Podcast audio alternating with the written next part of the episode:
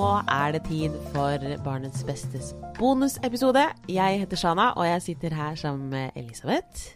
Hei. Hei. Eh, I dag så skal vi høre fra en modell og moteprofil. Mhm. Hun heter Hanneli Mustaparta, og hun har et ganske presserende spørsmål Ja. som lyder som følger.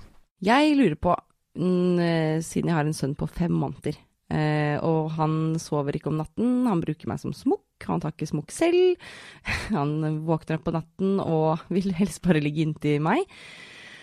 Og det er ganske slitsomt, jeg sover nesten ingenting, eh, og vi må ty til litt et eller annet. Og jeg har kviet meg veldig for å vurdere å la han sove i, nei, gråte i ti minutter.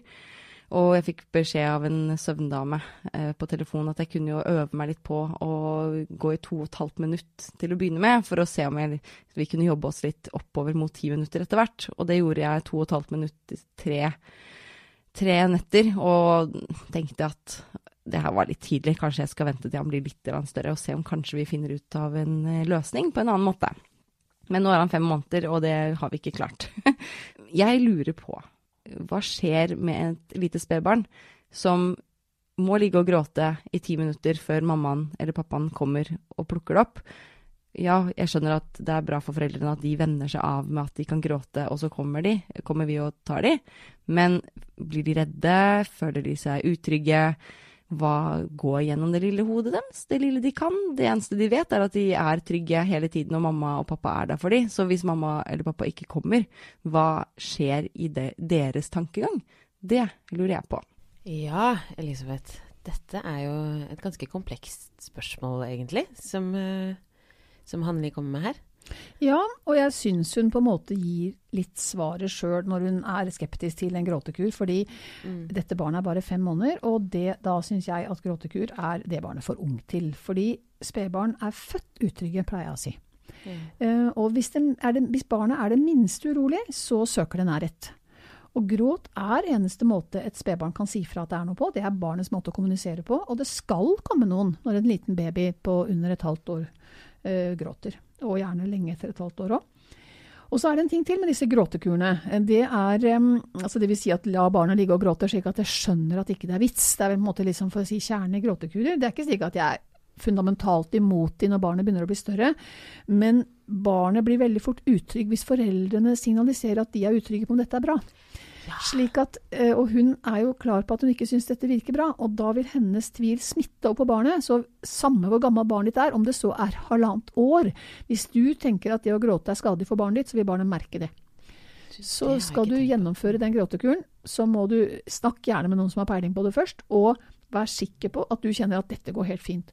Og vær i nærheten, fordi barnet skal føle seg trygg, det er viktig. Ja. Så om barnet blir et større barn, til ni måneder, ti måneder, tolv måneder, blir sinna, er ikke så farlig, men det må føle seg trygt. Men så er det det at hun skal jo ikke da sitte der og være smokk hele natten i månedsvis framover i håp om at barnet en eller annen gang gir seg, så du kan, hun kan gjøre noe. Hun, det første rådet, og det rådet har jeg til foreldre, det er jo stort sett fortsatt mødre da, som ammer, når fra, de, fra barnets akkurat har kommet i gang med ammingen, så ammingen har etablert seg, vent med å ta opp barnet om natten og gi dem mat til du er sikker på at det er våken. La det gjerne komme med et par skrik, ikke bare sånn smågrynting i søvne. Ja. Sett deg litt opp gjerne, slik at du får gitt barnet mat nok, slik at barnet er maksimalt mett, og får lagt det ned på en ordentlig måte.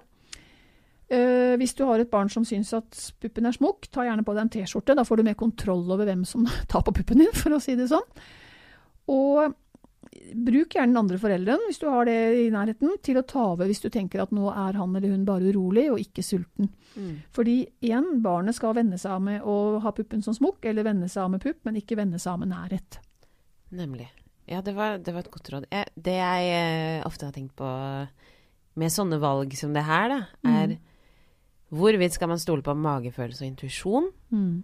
Um, fordi ofte så har man jo, sånn som Hanli har jo en, en, en sterk følelse av at dette føles feil, og det husker jeg jeg selv også hadde det. Mm. Vi prøvde det også litt for tidlig, Mm. og da føltes det føltes så feil. Ja. Selv om andre sa at ja, men så må vi gjøre det sånn. Mm. Um, hva, hva tenker du om, eh, om den, Den magefølelsen? Altså Magefølelsen kan være god å lytte til, fordi når du ikke lytter til den, så signaliserer du utrygghet, og den Mm. som sagt fanger barnet opp. Og Samtidig så er noen ganger magefølelsen eh, mer behov for å sove selv. Slik at jeg vet med, med egen, egen meget smertelig erfaring at jeg rota meg inn i ganske mange uvaner med førstemann fordi jeg desperat trengte å sove.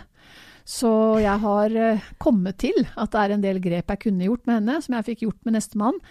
Eh, Så sånn sett så kan magefølelsen være en blanding av god å lytte til, og noen ganger eh, noe du ikke bør lytte til. I hvert fall ikke hvis magefølelsen sier sov. Sov.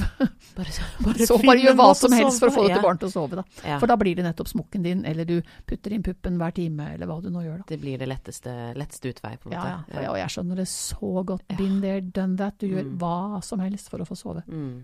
Ja, tusen takk, Elisabeth. Da håper jeg at uh, Hanneli fikk i hvert fall noen eh, gode ting å tygge på der. Og du som lytter eh, og sliter med det samme, håper jeg også fikk noe å tenke på. Og så er vi tilbake neste uke allerede Mhm. med en ordinær episode av Barnets beste. Det er vi. Da er det bare å si ha det bra, og vi høres snart. Ha det fint.